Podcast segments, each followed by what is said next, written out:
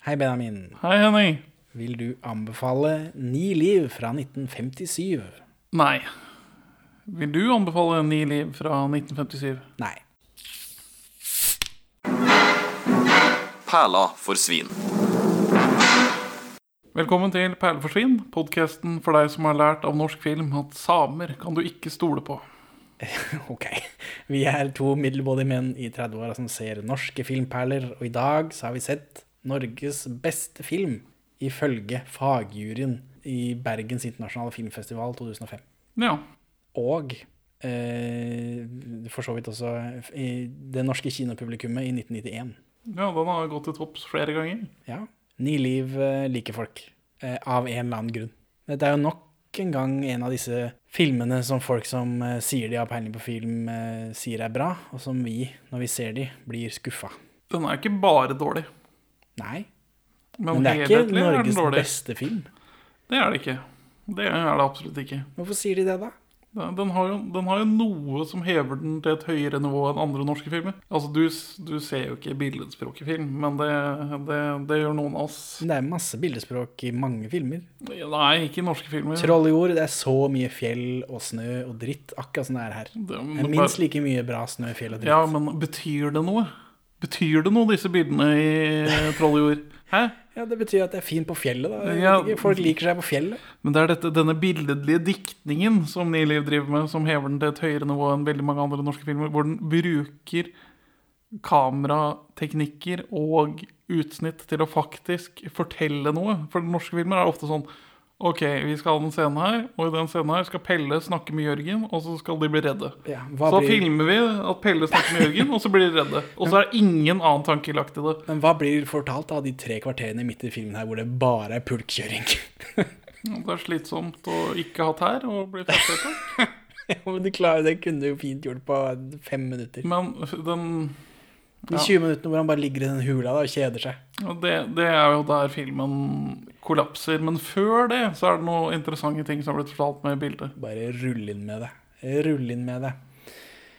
Arne Skouen så ikke denne filmen, Ni liv altså, som en krigsfilm, men som en fortelling om medmenneskelighet.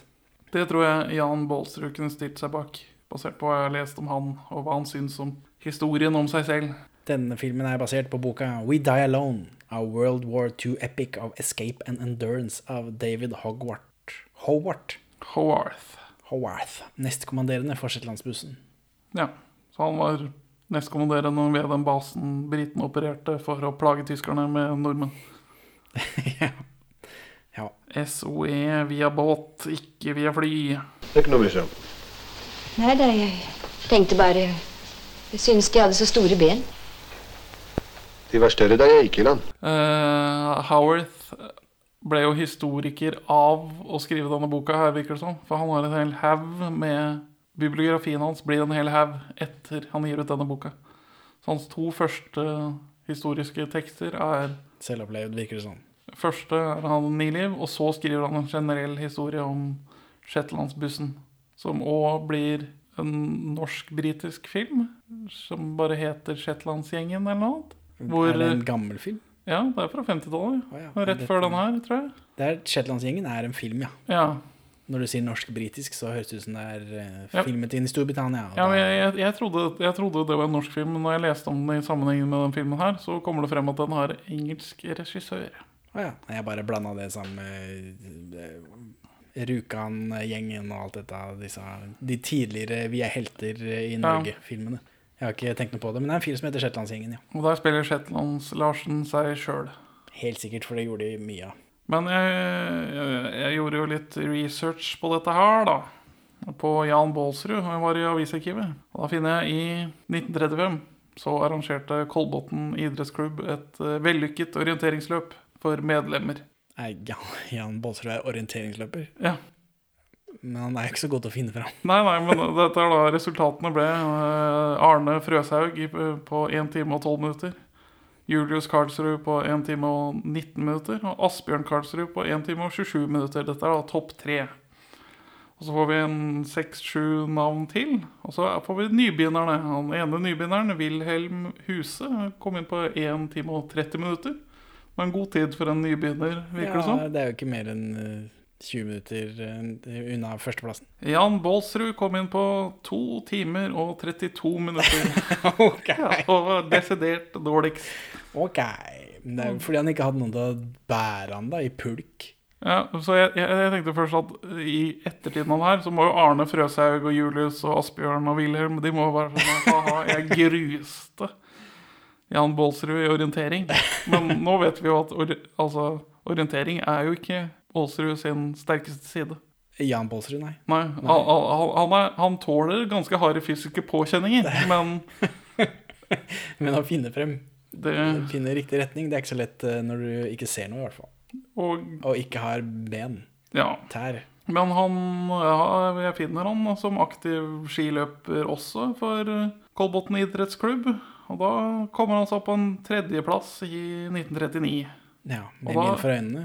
Da er han bare 4 minutter og 40 sekunder bak førsteplassen. Så det, Han tar seg på en skiløper. ja, det så på, han, Løypa var ca.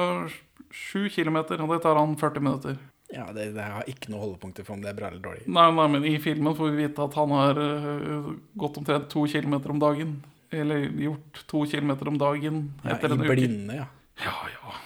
Det får så være. Men i 1947 så begynner Baalsrud å snakke om hva han gjorde under krigen sammen med lengekarene. For jeg har vel så vidt vært inne på det tidligere at innad i Lingeklubben og den SOE-gjengen, Oslo-gjengen og sånt, så ble det gjort en avtale om at ingen skulle skrive personlige bøker om hva de hadde opplevd under krigen før de fikk gjort ferdig den samla Linge-boka, hvor da inntektene skulle gå til de som var etterlatte etter de som mista livet for Norge. En liten tåre triller ned her. ja. Så Max Manus skal jeg har, jeg har fra sønnen til en motstandsmann i Oslo at Max Manus ble upopulær blant andre motstandsmenn for å trosse denne avtalen og gi ut for å få penger til å lage skrivemaskiner. Men da i 1947 så begynner eh, Linge og Shetlandsgjengen å holde foredrag om hva de opplevde under krigen. Så finner man sånne reklamer som det her 'Norske sabotører'. Og så er det liksom en liste med hva de skal fortelle om. da. Og da er tittelen på Jan Baalsrud sitt foredrag opplever jeg som et stikk til Max Manus. For tittelen er 'Det går galt'. ja, fordi boka til Max Manus heter Det vil helst gå godt. Ja. Og den andre heter jo 'Det blir alvor'. Men Baalsrud er eh, ærlig. Det går, går galt. ja, det gjorde det jo. Han berettet om nærkamp med tyskerne om 16 døgn innefrosset i en sneskavl hvor han egenhendig måtte amputere ni tær. Sa man tror bare at det tuller. Ja, det var det jeg hadde. Det var det du hadde om Jan Baasrud? Ja. Ja, ikke noe fakta om dette stemmer, det som vises i filmen, eller Han var orienteringsløper. Tusen takk, jeg er glad for at jeg har deg med på laget. Ni liv ble nominert til Oscar i klassen for beste Jeg har litt til hvis vi skal tyne det ut. da Nei, altså, vi kan jo hvis det skal er du, Har du noe på den tolvte mann? Eh, Nei, for det tenkte jeg skulle spare til vi går gjennom Harald Svarts karriere. Ja. Og alle hjerter gleder seg. Eh, men Den tolvte mann er jo ikke en remake av Ni liv. Nei, altså den Harald Svart-filmen fra 2017. Ja, For altså Ni liv-boka kommer ut i seiersrusen etter andre verdenskrig. Og er, poenget er å fortelle en sånn heltehistorie. Så da, da hender det noen ganger at fakta sklir litt ut. Så Den tolvte mann er en bok fra 2001 skrevet av en slektning av Jan Baalsrud, hvor han har prøvd å nøste opp hva var det som egentlig skjedde. Så Harald Svart-filmen er basert på den boka, som forteller samme historie med et annet grunnlag, hvor poenget med bok nummer to var å få historien til å bli nærmere hva som faktisk skjedde. Mens det som har kommet på film, er Enda en helthistorie, bare. Jeg har ikke sett den ennå. Ja, altså jeg har sett den, og den er mer Hollywood-heltehistorien. Mens denne her føles veldig jordnær til sammenligning. Ja, nå har ikke jeg sett Den tolvte mann, men her Jack Fjelstad, altså eh, Jan Balsrud, gjør jo ingenting. Han, til å begynne med så gjør han litt, og så blir han bare handikappa. Ja, det Så føles det er masse folk som må drive og ordne med han hele tiden. Han er jo en byrde for veldig mange, som de sikkert kunne klare seg uten i krigstid. Ja, det føles jo veldig jordnært og fint, da. Ja, ja, men altså, det er ikke, det, det er ikke spesielt heltete, Og så tenker jeg, og så er ikke alle som kommer så godt ut av da, denne historien.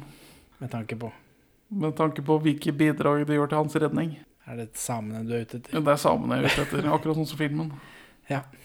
Jeg skal ikke si det til kona engang. Hun er så glad som hun er i kongen.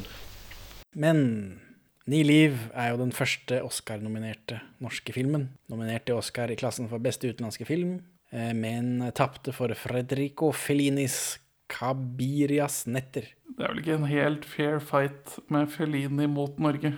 mot Arneskauen. Mm, jeg vet ikke. Bålsrud flykter fra Toftefjorden nord for Tromsø til Lappland i Sverige. I Den tolvte mann så er det jo en av kidsa som var med på å hjelpe han, eller familien hans var med på å hjelpe han i, under krigen, som spiller en av gamlingene som var med på å hjelpe han i Ja, det, det, Det var er veldig gøy. mange involvert i denne prosessen. Ja, det virker sånn. Men eh, denne en, eh, Arne Skouen Ellingssommeren jeg har planen for oss, den syns jeg begynner å spøke for. Jeg hadde gleda meg til å se disse Arne Skouen, norske filmene. Fordi det skal være bra. Eller altså Nødlanding er ingen som bryr seg om, for det er ingen som har hørt om. Men liksom, det er Arne Skouen og krig og greier. Fy søren, Arne Skouen er flink, han. Det er det eneste som står. Og så Ni liv, da, som er Norges beste film. Og ingen av de har vært spesielt imponerende. Og så er det Omringet, som er neste. Altså etter eh, Neste uke er vel Mor Skjelling, og så er det Omringet. Og den er det heller ingen som bryr seg om, tror jeg. Annet enn at eh, Arne Skouen er så flink, ass. Og så er det enda en Elling. Og så er det Kalde spor, som jeg oppriktig gleder meg til. Fordi den skal være noe. Den skal være annerledes enn disse andre tre krigsfilmene. Men Ni liv inneholder jo frampek til noe annerledes, da. Jo, men den er jo fryktelig kjedelig, da. Ja, den utrolig kjedelig. alt momentum når han slutter å kunne gå. Ja, så jeg, jeg gruer meg nesten. Til, eh, for, for eh, blir vårt første møte med Toran Mørstad på ordentlig, som voksen skuespiller. Hvis ikke vi smeller inn episode om eh, Hotell Cæsar, selvfølgelig. Vet aldri, vet aldri. Det, jeg har liksom Jeg har gleda meg til å se den, og nå gruer jeg meg. Arne Skouen er ikke så bra. Er ikke så bra som jeg, hadde, som jeg har blitt forespeila. Men, men. Den inneholder noe som er veldig bra, sett i en norsk målestokk. Ja, men jeg kan ikke anbefale for det, for det er veldig kjedelig. Det er det. Så det er ikke, jeg blir ikke blåst av banen. Dette er en film jeg vil se igjen. Dette er en filmhistorisk interessant film, men ikke Ja. noe mer enn det. Nei, det fant jeg også, det. Uten at det er noe gøy å se på. Der skjer det mer enn den dumme filmen her, hvor det ikke skjedde noe som helst. Men øh, har du sett Ni liv før? Jeg har sett deler av den på NRK i en helgedag en gang før. For jeg har sett den på VHS i et klasserom med masse ungdom som heller ikke var interessert i Ni liv. Og så rakk vi ikke hele før vi skulle dra hjem, så da måtte læreren spole gjennom slutten. Hva er poenget med å spole gjennom? For liksom at dere skal se For at, det vi på en måte se, for at vi skal få se hvite slutten. jeg vet ikke hvorfor jeg, det var sånn Læreren, læreren orka ikke å lage noe opplegg. Men i filmens fortellerteknikk så er det jo innbakt at vi vet slutten. Eh, ja, det er det også. Så det, jeg husker at jeg har sett noe av dette snøhuledritten og pulk og helvete fra før av. Men eh, det gjorde ikke noe inntrykk på meg da, som tenåring, sammen med masse andre folk som absolutt ikke var interessert. Eh, og det gjør ikke det nå heller, som voksen mann som eh, burde vært interessert, men som har mistet interessen ca. en halvtime ut i filmen. Når vi begynner med pulk. Alle skomakeren her nord heter Hansen. Filmen begynner med tekst, samme som Nødlanding. Veldig mye tekst. Ikke samme teksten. Ikke samme teksten, men det er veldig mye tekst. Ja, og dette er jo, det står at Jan Baalsrud er med på laget, og dette er hans takk for livet til alle de som har hjulpet han. Og det er jo hyggelig, da. Ja, så gjøres det et poeng at boken er verdensberømt. De har hørt om oss der ute i den store verden. Lille Norge. Ja, men da, det, er jo, det skjer jo med den filmen her. Ikke verdensberømt, men blir, vi blir jo hørt om det. Vi blir jo lest opp, sikkert på radio i USA. Helt utrolig. Om ikke, om ikke Oscar-seremonien gikk på TV den gangen. Det Ja, det kan være første gang. Det gjør det, for så vidt. Mm, Usikker, jeg har ikke sjekka heller. Men det er Jack Fjelstad, da, som hver gang han dukker opp, så nevner vi at han er med i Niliv. Så ja, nå er vi i Niliv. Det er Jack Fjelstad. For det, denne teksten dukker opp over en sykehusgang, så allerede her så ser vi jo at liksom Jack Fjelstad er på sykehuset, og han lever. Ja, han halter. Han får hjelp til å gå. Ja, han har bandasje på tærne, En give out til at han mister tærne. Nei, give out til at han får hjelp til å komme seg steder. Ah, ja. Men, men det er ikke noe stress. Han har bandasje på tærne, mister masse tær. Det er ikke noe stress. Han sitter, han røyker pipe, og så må han rapportere da, til en sekretær, Spilt av mor. mor i Mors Elling, eh, som vi ser neste uke. Og så begynner historien, liksom. For dette er en rammefortelling. Ja, han, En ubrukelig og dum rammefortelling. ja, han rapporterer. That's, ja. Ja, og så ser vi bare ansiktet til hun, eh, mor i Mors Elling som blir sjokkert over det han, skal, det han forteller. Men vi kommer ikke tilbake til det før på slutten. Så dette er en igjen som i Svik. En helt meningsløs rammefortelling. ja. ja. Den, den gjør jo ingenting. Nei, bidrar ikke til noe som helst. Det hadde vært bedre om de starta med teksten, og så begynte historien. Bortsett fra at vi ser han på slutten være heltemodig når han går alene uten hjelp tilbake til soverommet sitt. Ja. Men det, det gjør ingenting. Nei, ikke hvis eh, du må ofre Hvis du må ofre begynnelsen på filmen din for den slutten, så var ikke det bra nok. Nei. Men det begynner med han eh, Jan Baalsrud og en annen fyr i en båt, gjør ikke det? Ja, og så får vi et sånt animert kart over. Ja, og- Her er det, her, dette, dette er nytt. Ja, dette er Shetlandsbussen, da. De animerer, viser hvor de Det er sånn eh, Indiana Jones-kart. Ja, her er Shetland, og båten skal opp hit til Nord-Norge. Så nå er de på Nord-Norge, og de har en skomaker som er kontakten deres, eller noe sånt nå. Ja, og dette er basert på virkeligheten.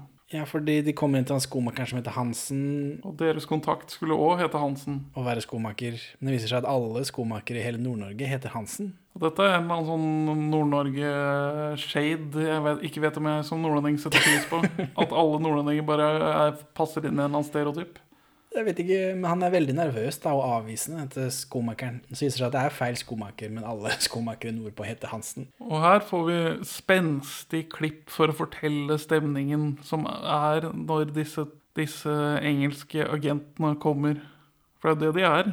Ja, selv om de er nordmenn. Ja, de er eh, agenter i Englands tjeneste.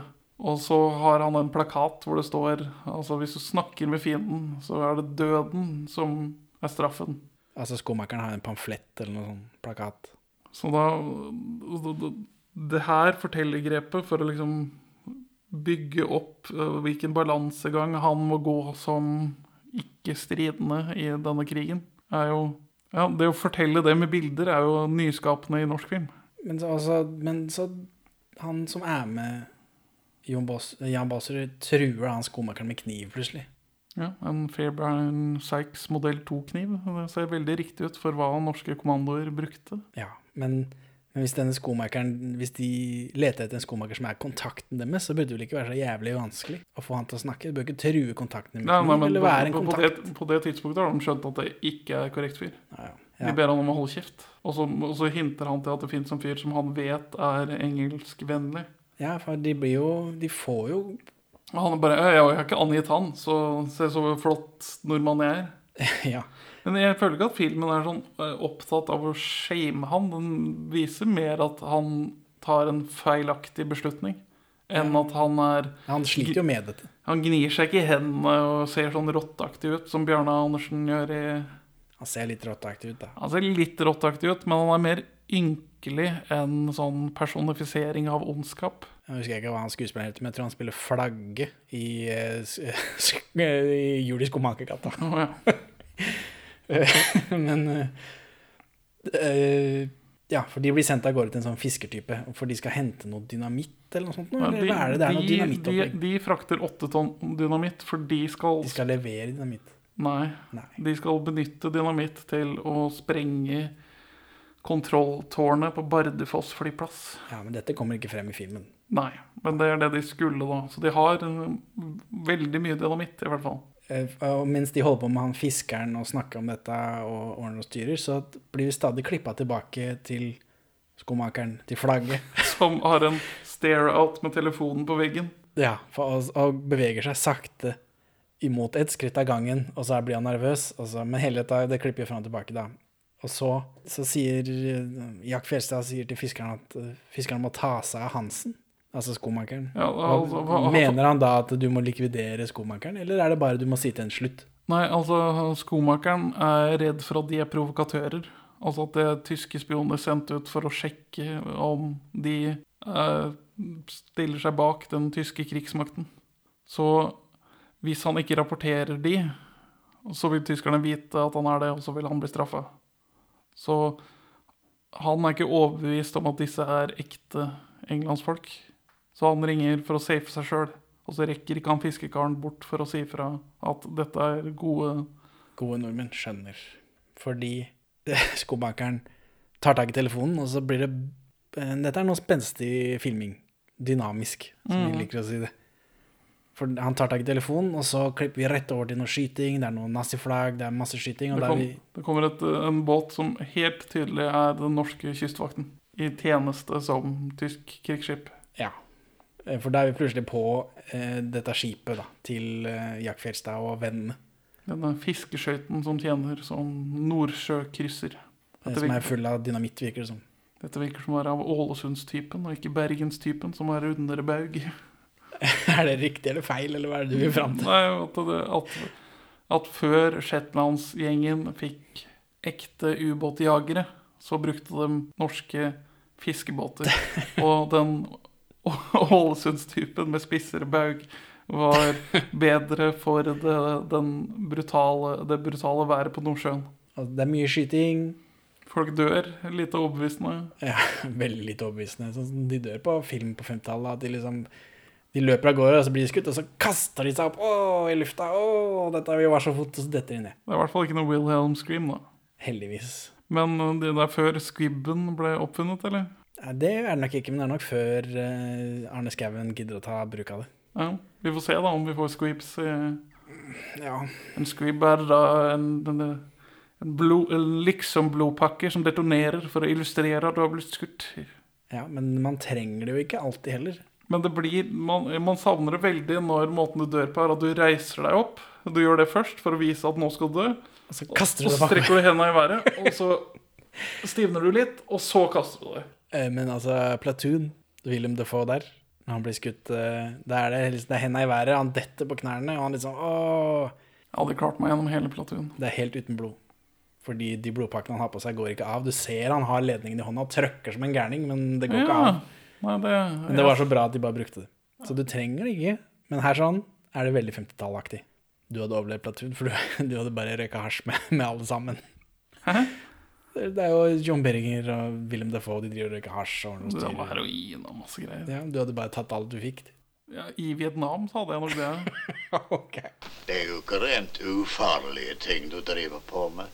Besvar, nå skal du Folk prater. Folk har sett trafikk over fjord. Ja, og du prater med! Så, men eh, Og så er det noe roing, da. Jack Fjelstad og to andre tusseladder setter seg opp i en båt. Det er veldig, de er opptatt av å time at de ikke døtter ifra den båten før den sprenger i lufta. Ja, det virker litt rart. Du burde jo bruke dekningen du har fra båten til å seile vekk fra den mens tyskerne nærmer seg den. Ja, det Og så skulle man jo tro at åtte tonn dynamitt gjorde skade på skipet som ligger tett nok inntil det til at en tysker kan hoppe fra baugen og opp på taket til den lille snekka. Ja, ja er, eh, de, har, de har litt igjen på actionscenene sine, kanskje, i norsk film. Det er, det er bedre i Orions belte, Ja. den båtsprenginga og skytinga der. Men det er i hvert fall masse skyting, og så er det ikke sånn western-lyd på skytinga lenger. Så det har gått litt opp siden forrige Skauen krigsfilm. Ja, fra nødlanding. Skoen, hvordan er det man sier det? Faren til Arne Skouen eh, bodde i Chicago en stund, og da ble han Ellis Island forbyttet fra Skauen til Skouen, men det heter Skauen for det. Ja. Ikke, jeg vet ikke om det var på Ellis Island, da, men det var av det. Det var det ikke der alle Jo, landflyktige vet- kom? Ja, men jeg vet ikke om han var skrevet inn. Er Han bodde en stund. Nei, jeg bare lovt bort brennevin, jeg, gutten min. En liter til Folman nede i Nøsta. En liter til Andrek på bua. To liter til Gammel-Erik på brygga. Han er lite edruelig. Og en lite Bestefar, har du rent rundt og fortalt at Hold kjeft her. Og det kan trengs både her og der. Alle disse folka blir skutt. Ja. Til slutt så er det bare Jan Baalsrud igjen. Han løper av gårde, mister skoen sin. Ikke bra. Ikke bra. Det er ikke det du vil i disse Det, det er vel 28. mars 1943. Det er etter Hitler har utstedt sitt kommandobefel. Hva betyr det, da? At i de vanlige krigens regler så skal du behandles Altså det er, det er visse ting i krig som ikke er lov. Det er ikke lov å Du har lov til å kle på deg fiendens uniform, f.eks. Og så har du lov til å snike deg inn et sted. Men hvis du har på deg fiendens uniform, og så skyter du en fyr mens han tror at du er på hans lag, så er det en krigsforbrytelse. Men hvis du, hvis du sniker deg inn et sted i egne uniformer, så har du lov til å skyte og drepe så mye du vil. Og når du blir tatt til fange, vil du fortsatt ha rett som en vanlig krigsfange. Men etter en gjeng med raid i Frankrike og i Norge, Måløy-raidet f.eks., med Hvor Linge sjøl tar reperen, tror jeg. Eller er Lofoten-redet han dør i? Men uansett så har Hitler satt seg grådig lei på disse Reglene. Reglene i strid. disse stikkene fra Storbritannia. Så han slutter at enhver kommandosoldat som blir tatt til fange, skal henrettes sporenstreks. Så det skjer, begynner å skje nå utover i 43.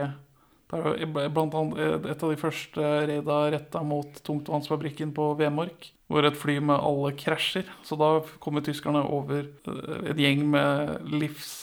Altså da kommer, Hardt skadde kommandoer. da kommer tyskerne over en gjeng med hardt skadde kommandoer, og så henretter de hele gjengen. Det har blitt mye mer utrivelig fortsatt. Ja, for det var jo mye triveligere før, da. Krigen, altså. Ja. Spesielt for jødene og sånn. Ja, men altså, altså krigen mellom Tyskland og vestmaktene, den har blitt ført etter krigens regler. Mens på østfronten har det alltid bare vært Texas. Der har det blitt gjort et poeng ut av at siden Eller blant annet fordi Altså, nå så tyskerne bare på sovjeterne som undermennesker som helhet. Men fordi Sovjet ikke hadde signert Genévekonvensjonen, så ble det fritt frem. Men akkurat dette her med å drepe kommandosoldater, eller henrette kommandosoldater, det er et brudd med Genévekonvensjonen. ja, og den ellers kameratslige tonen i krigen mellom Nazi-Tyskland og vestmaktene. Kameratslige tonen eh, når de skyter på hverandre. Her er det mye løping og mye skyting, og så er det litt svømming. Jack Fjelstad svømmer blant isflak, og det gjorde han vel på ordentlig. Ja, han måtte jo det. Ja, eller du kan jo lage fake isflak, da, men, eh, men ingen, ingen nåde i Arne Skauens eh, regi. Fikk han noen frostskader under innspilling? Ikke som jeg vet om. Jeg har ikke sett noe sted. Og så klipper vi fra svømme blant isflak til brått så er han inne hos en jordmor. Veldig rart. Veldig rart. For han er inne hos den jordmora, og så er det noe hylling og skriking, for det er noen som føder tydeligvis. da, Så får vi vite at hun er jordmor, og så kler han på seg for han skal dra, for han er en farlig fyr å ha. Og her er det et rart klipp midt i en replikk. Ja, jump cut blir det jo. Ja, nesten. Det er litt grann fade, tror jeg. Ja, men ikke nok til at det ikke, du, du får den jump-følelsen. Ja, det er, midt, i en replikk. Han blir ikke ferdig med replikken. Veldig rart. Eh, amatøraktig av Arne Skouen, føles det ut som. Ja, Slurvefeil. ja veldig. Jeg er en farlig mann å ha i huset. Det kan ikke la Spør etter en Henrik over fjellet. Men så er det mer going, da, og her panerer vi oppover. Kamera panerer oppover. Pan Panerer til siden, tilter oppover. yes. Ja, ja. Men det, det, dette ble en film, en effekt som vi aldri har sett. Men her viser den flere bilder og hvordan de flyter over i hverandre av en blanding av han som beveger seg oppover fjellet, og av tyskerne som jager han. Og det blir, en, det blir et interessant fortellende billedlig grep, men så varer det så altfor lenge. Og man Ja. blir sittende sånn wow, wow, wow. Ja, det varer veldig lenge. Eh, Det er eh, ikke sett før, tror jeg. I hvert fall ikke tidligere i norsk film. Men eh, det det er for mye av det. Beklager. Og så er det Jan i snøen, og nå får vi aksebrudd. Jeg vet ikke om det er gjort med vilje for å illustrere forvirringen hans i dette isødet han går gjennom i våte klær, eller om det bare er feil. Jeg vet ikke. Så kommer han endelig frem til en gård på andre siden av fjellet. Ja, han treffer en bonde i et fjøs, men eh, Jan Baalsrud vil bare sove. Og det gjør han vel også. Han hører ikke på Arnulf Øverland. Du må ikke sove. Men bonden tror, eller påstår det er at Jan Baalsrud er angiver eller noe. Han spør eller lurer på det. Ja, nei, han tror han er provokatør igjen. da. Ja, det er det provokatørgreiene igjen. Var det mye av det, da? Det var jo hele det Rinnan-banden var bygget på. Altså Tyskerne var gode på å infiltrere motstandsbevegelsen ved å Late som de var engelskmenn. Ja. Ja, ja. Det kommer en tysker, og bonden gjemmer eh, Jack Fjelstad Jan Bolsrud, i høyet. Og så later han som han er drita oppå der igjen. Ja.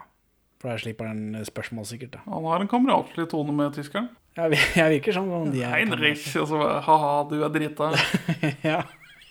Som igjen er øh, Jeg syns det er fint at Skauen ikke svartmaler tyskerne. Altså, tyskerne fortjener masse svartmaling. Det er ikke det jeg prøver å si her. Men akkurat det forholdet Tyskerne mellom gjorde ikke noe galt. Men akkurat det forholdet mellom tyskerne og sivilbefolkning i Norge som ikke drev motstand, var, de var ganske hyggelige. Det er litt sånn vanskelig å huske på. Det passer ikke helt inn i det fiendebildet. da. At den jevne tysker som tjenestegjorde her, han var hyggelig og Ja, skaffa seg campingvogn i Norge etterpå, liksom. Ja, men det er, eh, folk er folk, vet du. Folk, folk er ikke sin regjering. Volk bist volk. Ja, ja. Men sånn personer er ikke eh, sin regjering, er ikke folk. Hvis du selv uh, Hitler var demokratisk valgt. Ja, ja, ja. Men altså, folk sammen er dumme. Men hvis, du, hvis jeg treffer den mest eh, rasistiske og homofobiske personen i hele verden, så har vi sikkert, eh, kan vi sikkert snakke om eh, film eller biler eller et eller annet han er interessert i. Liksom. Ja. Så går han rundt med biasene sine uansett, og det har ikke noe med meg å gjøre, for jeg er verken mørkere i huden eller homofil. Så sånn sett så, har, så går det jo an. Ja, men, men det er interessant at Skauen allerede nå klarer å ikke bare Ja, ja. Men uh, Jack Fjelstad drar derfra, da. Uh, Jan Baaserud. Men nå har han to sko med bare én sokk. Er det sånn det er? Ja, for han har bandasje på den ene fordi den foten han mista skoen på, begynner stortåa å melde sin avskjed fra. Ja, nei, han er ikke ute og går, han ligger oppi der sånn. Og så har han fått to sko, eh, men han har bare én sokk. Og så kommer det en gutt som roper på tysk. Og da Oppstell! Ja, og da spretter Jack opp med liksom gønneren klar. Flaks at ingen blir drept. Ja, eh, rart å gjøre det. Var det. Fordi han bonden sier du må rope på han sånn som han våkner. Og så roper han på tysk.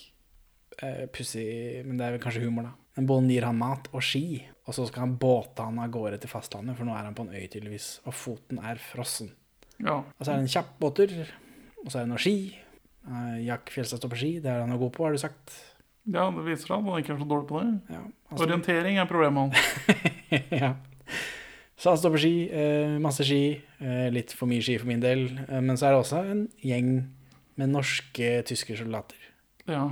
som kommer gående, de går på tvers av en vei. Og Jack Fjellstad skal gjennom der, da, så han bare blaster gjennom. Han sier 'unna vei', sier han, og så bom, fyker han av gårde. Men har han fortsatt uniform på seg? Det er litt Ja, sånn, det det er svart-hvitt og fine farger. Ja, det virker som han fortsatt har kommandodrakta på seg. Han har ikke virkelig sett han på noen nye klær. Det jo Nei, jeg tror lurer på ikke det står Norge på hånda, eller hva det er for Norway på skulderen. Det er, en- det er et autentisk merke, det stemmer.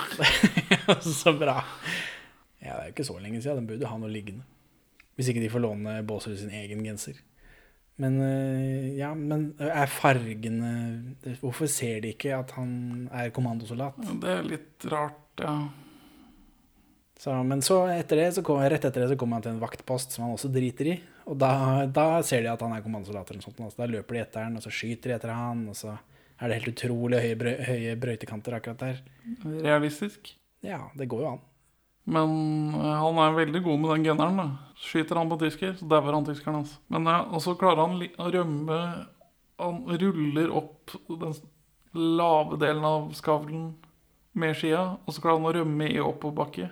Det virker ikke helt realistisk. Nei, men det er vel Tanken er at han blaster av gårde i snøen hvor ikke de klarer å løpe. Ja. Tror jeg. ja. Så det er veldig mye musikk her, og den er ofte litt for jovial. Synes jeg, i hvert fall i den sekvensen her. ja noen steder er den korrekt dramatisk, mens Ja. andre steder blir det litt Sånn sirkusmusikk.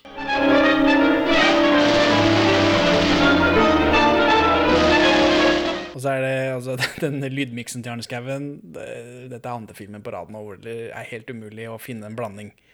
Jeg må drive og skru volumet opp og ned hele tida. Musikken er altfor høy, talen altfor lav. Men nå han er ute og går på skia, så er det snøstorm. Det er ikke siste gang vi ser snøstorm i denne filmen her. Absolutt ikke. Absolutt ikke. Mer ski, masse ski, og så gjemmer han seg i en hule hvor han sovner. Og når han våkner dagen etter, så er han snøblind. Kommer det etter søvn? Er ikke det søvn en av tingene som burde bidra til å kurere Det snøblindhet? kan hende han har brent øynene, og så gir ikke det utslag før dagen etter, bare. Ja, det er sant, for det er det som er det som skjer. Han brenner skjer. ikke øynene mens det er mørkt, og han har øynene igjen. Nei. Men, og da tar han bandasjen av den ekle foten sin og binder det foran øynene. Ja. Why? Hvorfor det? For skjerme øynene så de kan begynne å lege igjen. Kan han ikke bare holde øynene igjen, da? Det er ikke nok, da. Du får, vil jo fortsatt få en viss lysbelastning på strålende solskinn med Men jeg tror det er perfekt reflekterende snø. Du får dobbel dose sollys. Ja, det er det snøblindhet er. Men uh, jeg tror det Jeg tror øyelokk er bedre enn uh, en solkrem. Solkrem. Ja, hvis jeg får, har solkrem på huden, så blir jeg jo ikke brent. Hvis jeg har øynene igjen, så blir jeg ikke brent på innsida av øynene. Nei, men du, i strålende sol så vil du kjenne noe igjennom. Og jeg tror Varme, kanskje, men ikke UV-strålende. Det er jo det du Nei, jeg vil tro, jeg, jeg vil tro det det, er ingen av oss som er leger. Nei, det er sant. Men i hvert fall den ekle fotbandasjen eh, og i ansiktet, ikke noe for meg. Nå går han på ski i blinde, og det virker ganske dødfødt. Ja. Han, kast, han lager snøballer og kaster foran seg for å vite noe om terrenget. Ja, eller om det er for at ikke han skal dette ned i stup, eller Ja, men hva om det er en bitte liten kløft, liksom? Ja, hva, hvilken vei er det han går? Vet han, han ikke- vet han hvor han går? Hvorfor kan han ikke bare bruke en lang pinne isteden? Han har jo to pinner. Ja, Han har jo, står jo på ski. Whatever. Det, blir, han, det går i hvert fall ikke så bra. Han faller, ender opp i et snøskred. Og så Og så kommer noe av det som hever filmen opp et nivå igjen. da. Ja, det er iallfall Her prøver de på noe som ikke treffer meg. Dette er, et, dette er en take på den mannen i ørkenen fantaserer om oase. Han drømmer om en telefonboks. Og en Telefonkiosk. telefonkiosk. Er det ikke en telefonboks? Nei. Hva er forskjellen? Den er, den er, den Det ene er noe, det andre er ikke noe. telefon, eh, heter det telefonkiosk, ikke telefonboks? Det er jeg helt sikker på. Eller om ikke det står det på alle. Telefon står det. Ja. Han drømmer om den klassiske Rød telefonkiosken. Ja, når kom den? Ikke peiling. Før krigen? Det tror jeg ikke på. Eller kanskje? Det, det føles som jeg har eh, søkt opp dette i forbindelse med en Olsmann-film, men eh, hvem vet? 1932. Jeg ser det. Fy faen. Men ja, hvem er det som driver og gjør noe med denne telefonkiosken, da? Det er en naken dame Ja. inni telefonkiosken. Ingen nærbilder å se, dessverre. Han Men- lengter tilbake til byen, tror jeg. Han mottar også stemmer fra intet sted. Ja. Han hallusinerer, da. Ja, kom inn. Og så svarer han også. Det, det hele den sekvensen her, for meg også var det veldig corny. Ja, men jeg er enig i at Vent, vent da! Liksom, ja, jeg skjønner han sliter, liksom, men dette var en uh, corny måte å vise det på. Og så ser han et fjell, og på det flasher det Grand Hotell. Ja, for han har litt uh, trøbbel, da. Han hallusinerer. Det er en veldig fresh effekt, da. Ja, men ja altså, er- det er sjelden man ser noen hallusinere seg tilbake til byen, føler jeg.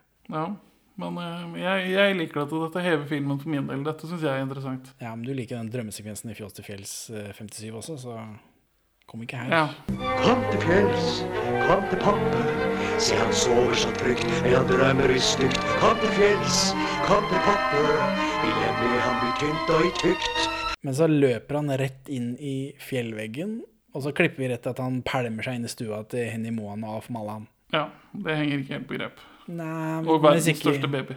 Ja, og verdens største baby. Hvis ikke det er en del av en hallusinasjon hans, da, dette fjell, eller jeg vet ikke hva det var for noe. Men da treffer vi Henny Moan, da. Som på dette tidspunktet vi spiller inn, er i live. Så vi kan bare krysse fingrene for at hun holder ut til over sommeren. Det er lov å håpe. Disse er som alle de andre han møter på, veldig skeptisk til om han er ekte eller ikke. Han begynner jo å se veldig troverdig sliten ut etter hvert, skulle Ja. man jo tro. Ja, men de er skeptiske hele veien. Uansett hvor lenge han blir dratt i pulk eller ligger i hule og sånt, så er alle skeptiske. Og så får vi høre at tyskerne går fra dør til dør. De leter da, tydeligvis. Og så kommer Joakim Holst Jensen inn. Rumpe-Anders. Ja, eller han spiller Onkel Søren spiller han i Fant, men det er morsommere å kalle han Rumpe-Anders. Ja, det er sant.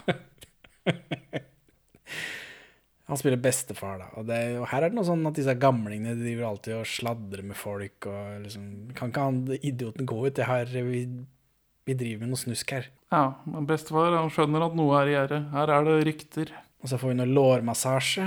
Eh, Alf eh, Malland da gnir eh, Jack Fjelstad på lårene. Han har fått alt Han har samlet inn all salva fra bygda, en eller annen form for salve.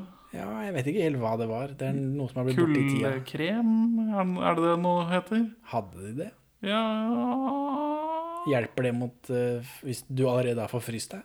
Det vet jeg ikke. Ikke peiling. Tigerbalsam. Satser på tigerbalsam. Og så er- prøver de å tvangsmate uh, Jack Fjelstad. Det går ikke. Jan Baalsrud. Nei. Tyskerne kommer, da. Tyskerne kommer. Og da blir, eh, dekker de han til i høyet igjen. Det går helt greit. Ikke noe problem. Mm. Så er det en ny dag. Alf Mallan klemmer ut salve sammen med en annen fyr. De snakker om å sende eh, Jan Baalsrud videre. Så er det noen gunner-truing, og han stoler ikke helt på de som har han heller. Og... Nei, det er litt sånn pussig, syns jeg, da. Liksom, det toget har gått når du har ligget til en fyr og vært hjelpeløs i flere dager. Så er det noe sånn tafs på kona mi-humor. Eh, da, tenkte du på? Nei, ja, det, nei, for av en eller annen grunn så må Jan kjenne på fjeset til sin redningsmann. Ja, for han er jo blind nå. Når han veiver med den pistolen, så er han også blind. Ja, Du får kjenne på kona mi òg, da. Ok. Ja, ja, ok, hvorfor ikke? Jeg ligger jo her allikevel. Og her driver, mens de holder på med dette, så, så Alf Malan stikker eh, Jan Baalsrud, Jack Fjelstad, i benet. Eller altså i Ja. For å finne ut om han fortsatt har noen følelse. Ja, og han merker ingenting. Eh, men vi får ikke se noe heller. Sånn er det jo på 50-tallet, men det, liksom, det blir jo mindre dynamisk da, plutselig, når ikke du kan vise oss dette. Ja, De blå tærne hans. Hvorfor får vi ikke se det, da? Det blir vel for grafisk, da. Norsk filmsensur setter foten ned. Skeptisk. Eller det bare så utrolig ræva ut, den, den sminkingen de hadde gjort av tærne hans. Det er svart-hvitt, jo. Det kan ikke være så vanskelig å få det til. Og så er det sånn at han, Alf vil ikke si hvem han er, Jack Fjelstad vil ikke si hvem han er. Hvorfor dette? Hvis du først liksom har tatt inn noe som Hvis du er tatt inn av noen som gir deg mat og behandler beina dine, du masserer beina dine, skjønner du ikke da? Han har vel familie nede i Kolbotn han ikke vil at skal tas av dage. da. Det var vel ganske vanlig at man prøvde å unngå. Altså Hvis disse blir tatt igjen og blir torturert av tyskerne, og de får navnet ditt, og du vet at hans far, bror og søster Jo, men de er så, eh, så arge med hverandre. Aggressive med hverandre. Ja, Anyway, nå er det, nå er det pulk. Og herfra så er det egentlig pulk ut og, utover en stund. det er pulk over fjellet, det er pulk gjennom bygda. Ja, og så er det noe tyskersang. Det er noen som, tyskere som synger inni en blokk, og så er det en fyr som inni et hus, kirke eller sånt, og så er det en tysker som går ute og marsjerer litt. Og da må de snike denne pulken litt under han, ikke noe problem. Så er det pulk i båt. Ja, sånn klassisk sånn nordlandsskøyte med seil. Ja. Bitte lite sånn Ser litt ut som et vikingskip. Ja, hvor han, eh, Jack Fjellstein må ligge på tvers da, og bli våt i håret. Det er ikke noe lurt. Nei. Og så er det inn i en hytte, og jeg kjeder meg. Jeg kjeder meg. Helt utrolig. Nå ligger eh, Jack Fjellstad ligger i hytta og skal telle dager med snøballer. Ja. Og det er noe han gjør gjennom hele, og det er veldig praktisk. Hvis ikke så mister du helt eh, det, mist, Selv om han teller med snøballer, så mister jeg ofte, jeg mister ofte tiden. ja. Og så må han ha en kniv, da, for at han har ikke nok skudd til å skyte av seg alle tærne. Nei, det stemmer. Man kunne jo bare Hvis han jo bare hadde vært litt bedre til å sikte. Ja, jeg vet ikke hvor mye må du skjære av da, for at det liksom skal bli bra. Du må jo ta alt det daue kjøttet, da. Ja, altså, du må jo ta noe levende kjøtt. Det kan ikke være noe særlig. Nei, det er vel ikke noe hyggelig. jeg tror ikke det. Ikke 127 timer, dette her. Det er ikke det. Men nå kan han se igjen, da, i hvert fall. Så nå skal det drammes. Så de drikker litt, da. Og så drar disse gutta av gårde. For nå ligger han i en hytte på fjellet. En bitte lita kald hytte. Ja, en superkald hytte, virker det som. Ja, det er frost på veggene. og Fire dager inn så eh, skal liksom Jack eh, Fjelstad ta tærne sine, men han feiger ut som en pingle. Ja, han, han, han fremstilles ikke som den perfekte barske helten. Han er litt Han har litt vegring. Og så er det vel en fem-seks dager, da. Da liksom drikker han seg drita, og så gjør han det. Men vi ser heller ikke noe, men vi får en sånn smertemontasje, da. Så her har de prøvd seg på et kunstnerisk grep. Ja, dette er igjen sånn så hever filmen litt, da. Vinden blåser, og det stiger liksom i smerte, og Ja, rabalder av musikk og Og så er det Alf Malan og legen og en haug med andre gode nordmenn som drar opp til den hytta. Så blir de helt sjokkert over at han har tatt tærne sjæl. Så får vi en title drop. og Han katta her har ni liv. Og så er det mer pulk. Tilbake i pulk. Dette, han er her i Sverige på to dager om vi er heldige. Vi er ikke heldige. Nei. Så er det pulk i snø og natur. Mm. De drar denne oppover, da. Milorg-lederen er læreren i bygda, fordi klasserommet Men det er en annen bygd, er det ikke det? Jeg forsto det sånn at det var en sånn mottakerbygd, men, Ja, det var neste bygd igjen, men men de kom, slå, de kom jo aldri inn. Nei. Men, eh, men det er en stund til vi kommer, vi kommer ikke til dem før vi har hatt en liten pulkpause.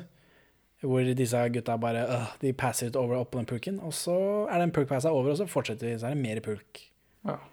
Og så er det denne læreren, da. Eh, Nå kommer skikkelig inn læreren. Han snakker med alle de gode, unge nordmennene. Tidligere elever i bygda. jeg antar at de skal møte de, men de kommer jo aldri noe sted. Nei, de, de kommer på feil plass eller til feil tid, eller Ja, det er alltid feil. Det er jo ikke de som redder noen. Men så er det mer pulk, da. Eh, over fjellet. Og så detter denne De glipper denne pulken litt. Men det gikk bra. Eh, så de får dratt den opp igjen. Og så er det enda et eh, pulkfall, da, hvor den pulken snurrer rundt, til og med. Men de holder jo fortsatt i tauet, så det, det gikk, det gikk fortsatt bra. Det gikk snø i fjeset, da. Det gjorde han. Og så må de noen ganger de snu den opp ned, fordi han får all blod i beina. Ja, altså Jack Fjelstad svimer av. De går jo oppover. De skal jo over fjellet, tydeligvis. Eh, Så alt blodet hans går i beina. Jeg vet ikke om det er helt eh, sånn fysisk fysiologisk korrekt. Ja, For det du ikke vil være, er å være opp ned. Det er nesten aldri bra å være opp ned. Eh, ikke så lenge av gangen, tror jeg, men hvis du har sjokk og sånt, så skal du liksom heve bena. Ja. Lærte jeg på leirskole, men det er jo faen meg 20 år siden. Det kan jo endre seg.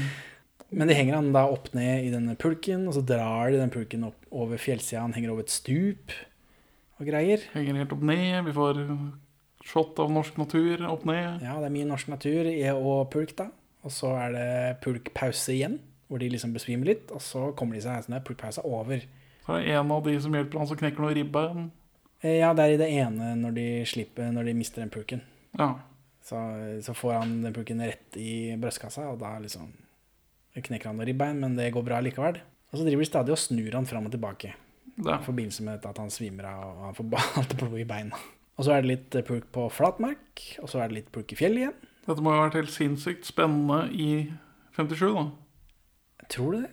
Ja, at folk bare bare sånn Wow, de er ute i naturen og faktisk gjør ting. Det er ikke på et lite sett i en Hollywood-bakgård. Skeptisk. Det er veldig kjedelig å se på. Det er veldig kjedelig nå, men nå er vi jo blitt desensitized av masseprodusert vold. Jack Fjelstad lager seg noen snøballer, da. Og så klipper vi brått til eh, barnesang i klasserommet, eh, hvor det kommer en sånn motstandsmann da snakker med læreren. Men disse motstandsfolka, de gjør jo aldri noe. Eller de gjør jo masse, men det, kommer ikke, det har ikke noe å si for plottet, for de kommer jo aldri frem. Nei. Så jeg vet ikke om bygger det spenning, dette, at de leter og aldri finner han. Det føles veldig håpløst og teit ut. Ja. Så, men nå, får, nå er vi liksom fremme, eller hva er, det, hva er denne hula? Er det et sånn overleveringssted hvor de skal levere det til de andre folka? Ja, det tror jeg. For nå blir eh, Jan Baalsrud og Jack Fjelstad blir døtta inn i en sånn hule, så får han brennevin, eh, og så begynner han å rulle snøballer igjen. Og så får han også et bål, da, sånn i tilfelle det kommer ulver. Ja. Og at får vite at overleveringspassord er Hallo, gentleman. ja, for det er jo grunngrill og sånt, dette. De har, det er noen dialekter. Så får vi se en same på ski. Ja. For jeg, for jeg hadde hørt, tror jeg har hørt noe om at det er en litt muffens behandling av samenes bidrag i den filmen her. For det er noe veldig muffens her. Han blir jo redda sammen til slutt, da. Ja, men Etter et først, par-tre ganger. først må vi shame samene for at de ikke vil samarbeide. Ja, hva gjorde samene under krigen, da? De var vel med på å frakte ting for både tyskere og, og eh, motstandsfolk, da. Altså Som nordmenn flest så måtte de stå med ett bein i hver leir eh, for Ja. å få livet til å gå rundt. Men, de, men de eksisterer jo i, i toppen av De beveger seg jo mellom Norge og Sverige. Ja. Var, var det vanlig, da? Nei, de fikk litt pepper for det enn jo da. Og verken norske myndigheter, tyske myndigheter eller svenske myndigheter var noe hyggelig med de på noe som helst type. Nei, men det var, Eller det, det var ikke det før krigen heller. Tyskerne var fascinert av samene på en sånn Rasehygiene. Ja, men ikke sånn vi skal utsette dem. De levde en tilstrekkelig annerledes livsstil til at de respekterte dem for at de holdt, holdt kategorien til sin rase sånn uten å blande seg med andre kulturer. Det satte tyskerne veldig pris på. Så det blir sånn, sånn som Hitler var fascinert av cowboy-indianerbøker, så er ikke indianerne Altså, indianerne er undermennesker, men det er i hvert fall undermennesker som holder seg til sin nisje. Vi tyskere, vi skal regjere over verden. Og så har vi disse søte, lille stammefolkene som holder på. Det, det, det hadde en verdi i seg selv, liksom. Men norsk fremstilling av samer er problematisk her, da. For samene fremstilles som om de har triple allegiance. At de liksom Når samene blir bedt om å gjøre noe, så banner de på både norsk, svensk og finsk. Det betyr liksom De er ikke noen vi kan stole på fordi de har andre tilhørigheter. Og så følger de ikke opp en avtale. Eller for de mener vel at Jack Felte er død, for de finner han ikke. Ja. Og da mener jeg at eh, ja, han er jo død, han kan ikke ligge uti der i, i all evig tid. Noe han kan, da, men det kan jo ikke de vite. De er jo vant, eh, vant med dette og skjønner at dette her er ikke vanlig å overleve. Så I utgangspunktet stilles de ikke i godt lys, vil jeg påstå. Nei, de er jo ikke sånn heltemodige, sånn som Alf Mallan og Henny Moan også tar med seg ryggsekken og stikker opp der etter hvert. Eh, Men eh, ja, ja. Det er jo heltemodig i filmen, men det er jo også idiotisk, da. Ja, Det er, det er ikke like gærent som fant på Ja, Å nei, på ingen måte. Men det er problematisk. Alf Mallan er hjemme med Henny Moan, og han har lovet å sjekke om Jack Fjelstad er blitt hentet. Nå vet jo vi at en same på ski ga opp, så han er ikke blitt henta. Så hadde det ikke vært for dette, så hadde jo hadde det ikke vært for at eh, Alf Mallan har lovt å stikke opp og se om han er blitt henta eller ikke, så hadde jo ikke Da hadde jo han ligget der ennå. Jack eh, Jan Baalsrud, i hvert fall. Men så driver de seg sammen og roper da på 'gentleman'. Og eh, Jan Baalsrud klarer ikke å svare, for han er så svak, tror jeg. Ja, hvorfor skyter han ikke med gunneren? Da hadde filmen vært over. Jeg vet ikke hvorfor gjorde han ikke det på ordentlig. Ja, det, det Shame, Jan Baalsrud. Shame. Du shamer Jan Baalsrud. Mm. Ja, ja. Og så får vi en sekvens hvor bestefar uh, leker angiver. Ja. For han fuck Altså, når hans barn og samboer med barnebarn er i livsfare, så er dette tidspunktet å kødde med dem på. Så, men det, er, det er sånn dad jokes, det skjønner du vel. Ja, ja, Dere sa at dere skulle ut på uh, skaffe hjemmebrent. Nå har jeg sagt til alle gamlingene jeg kjenner, at de skal få hjemmebrent fra denne hjemmebrentsturen. Og da blir de kjempestressa. Ah, nå må vi skaffe hjemmebrent, ellers er vi fucked. Faen ta deg, bestefar. Du har gjort livet så jævlig vanskelig for oss nå. Ja. Ja, men jeg, jeg har ikke flaska i kjekken. Han har ikke den dialekta, men OK. Rump-Anders. Så sier han unnskyld til bestefar. Om forlatelse, bestefar. Men det ender vel opp med at han Martin, Ja, Alf Mallan, ja. Alf Mallan, ikke tar og sjekker den første dagen fordi bestefar har fått beskjed om at en same kjører kalven over grensa i dag. Ja. Så det, det, blir, det går noen, en uke før han faktisk sjekker. Etter at det kommer nyss om at han ikke har blitt henta. Han er død. Nei. Du lurer ikke en gammel rev. Jan! Så er vi oppe i snøhula. Nå kommer det noen tyskere. Da drar Jack eh, Jack Jack Fjalstad. Da drar Jan Baalsrud pistolen, eh, men det finner han ikke. Ikke noe problem. Så er vi tilbake i denne skoleklassen, hvor vi får vite at disse samene har gitt opp. liksom. De gidder ikke. Så noen gode nordmenn må gjøre dette. En god nordmann feiger ut fordi han har fem barn. Han blir, feiger ikke ut, han blir sendt hjem. Blir han det? Ja, for han læreren sier at du, du og de fem barna dine, du kan ikke være med på dette. Så sier han jo den ene ungen er jo syk også, da. Så det Ja. er helt greit. Men eh, rart. Hvorfor det? Det er vel for å unnskylde Altså i denne patriotiske grunnfortellingen om at vi alle gjorde motstand, så er det vel for å unnskylde alle de som ikke aktivt gjorde motstand ved at de hadde andre ting å stri med. Skjønner. Det passer ikke i dag, dessverre. Nei, jeg har så mange barn i dag. Så er det snøstorm igjen, og da Jack eh, jobber veldig hardt inn i den hula for å skuffe snø ut, så ikke han skal bli snødd inne. Går ikke så bra for han. Nei, kan du si. Eh, Og denne redningsaksjonen fra den skoleklassegjengen gir også opp i snøføyka, i snøstormen. Og så driver Henny og pakker, for nå skal hun være med å finne Janne Baalsrud, og Alf tror han er død, og det er jo rett og rimelig. Vi skal opp og hente et lik. Det er ikke noe lurt å hente det. det altså, skal dere Ja, La det ligge. ja. Og så graver de han fram. Da har det gått åtte dager, men de graver jo noe jævlig, da. Åssen er det han overlevde dette? Det skjønner jeg ikke. Det blir jo isolasjon av å Jeg sier ikke han har fryst han må jo? Han ligger jo under liksom to meter med snø. Så lenge han har en tilstrekkelig luftlomme, så skal det gå ned. Ja, han har jo hatt det, da, men det var jo veldig mye. Men ikke bare lever han, han har det også helt eh, kulig. Han, han eh, tuller og, og, og ordner når de liksom graver han frem. Så der ligger han, han er død. Nei da, du lurer ikke den gamle reven her. Så han ligger jo bare En spenstig skutt. Vi får sett, sett dette fra begge vinkler. Ja, fra det, innsiden av det blir dynamisk og fint. Ja. For en gangs skyld eh, på de siste 40 minuttene hvor det bare har vært Pulk. Pulk og snøhule. Ja, de har pakka noe snø rundt linsa på kamera, da. Så det er jo, det er jo noe. Så, men de går fra han igjen, og, og Jan Baalsrud sier at eh, Henny Moen er pen.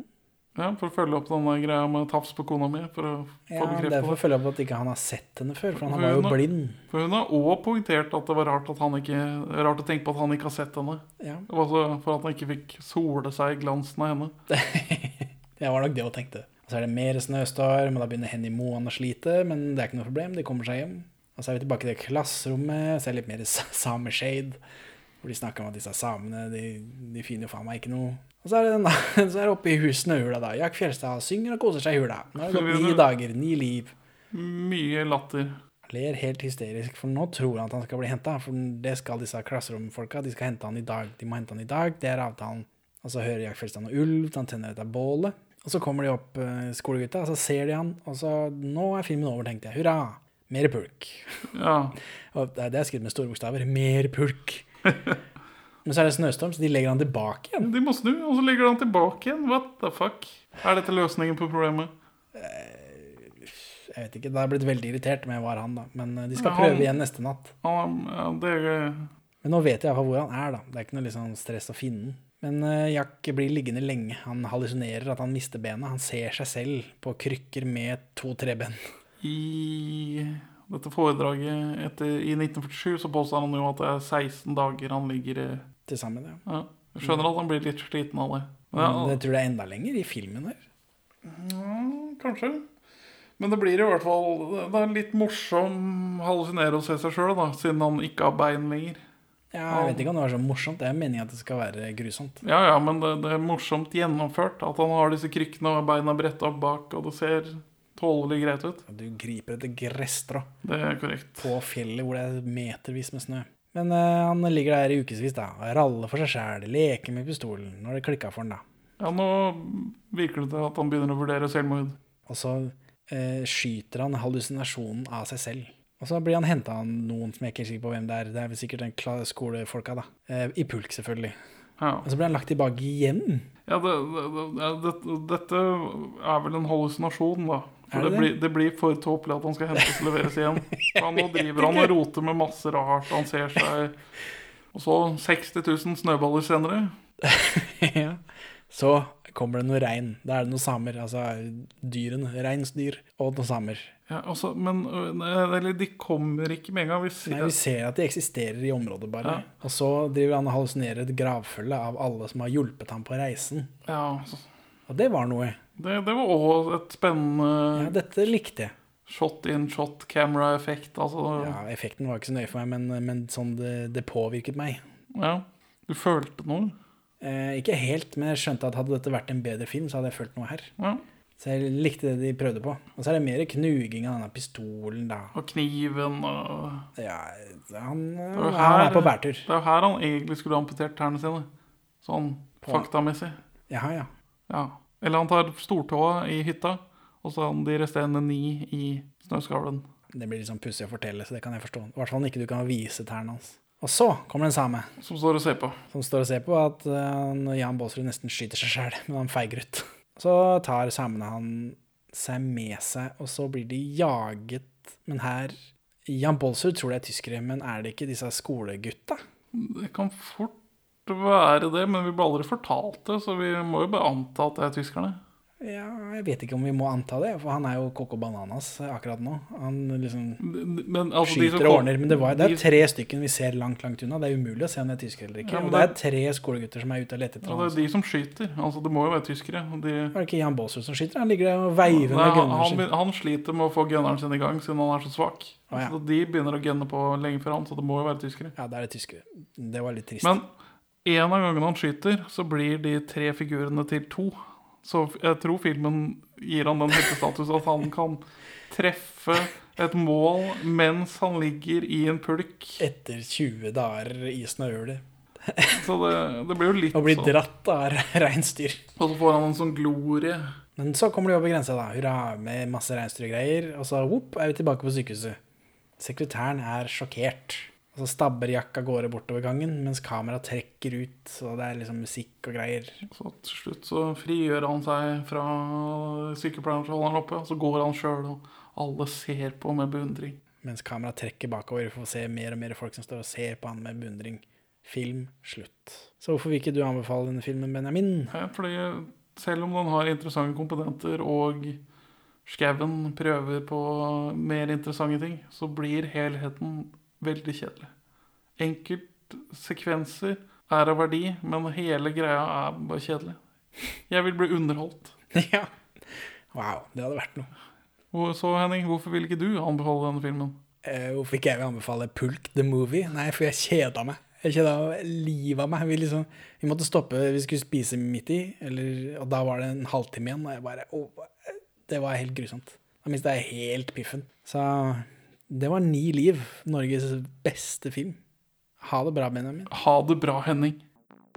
Takk for at du hører på Perler for svin. Du finner oss først og fremst på perleforsvin.no, men også på Twitter under perler-for-svin, Facebook som perleforsvinpod, eller du kan maile oss på perleforsvinpod at gmail.com. Gi oss gjerne en eh, rating i din lokale podcast-avspiller, og, og legg igjen en beskrivelse, så folk skjønner hva det er for noe tull vi egentlig driver med. Her er ukas Pål Bang-Hansen-sitat ute av kontekst. Så du mener altså det er galt at Haugesund får et slags monopol på å arrangere filmfestival?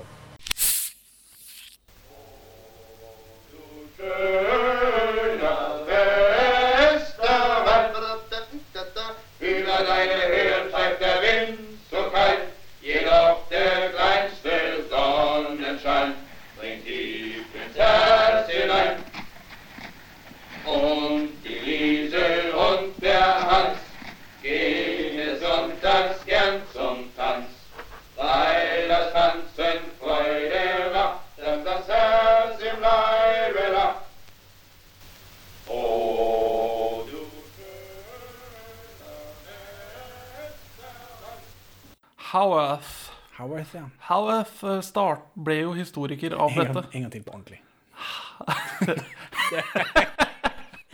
Du vil ikke at jeg skal si Howarth? Jo, nei, si hva du vil, du bare ikke den der For det er det ingen som hører på. Thufir Howarth. Dune-referanse. Alle må ta Dune-referanser. Nei.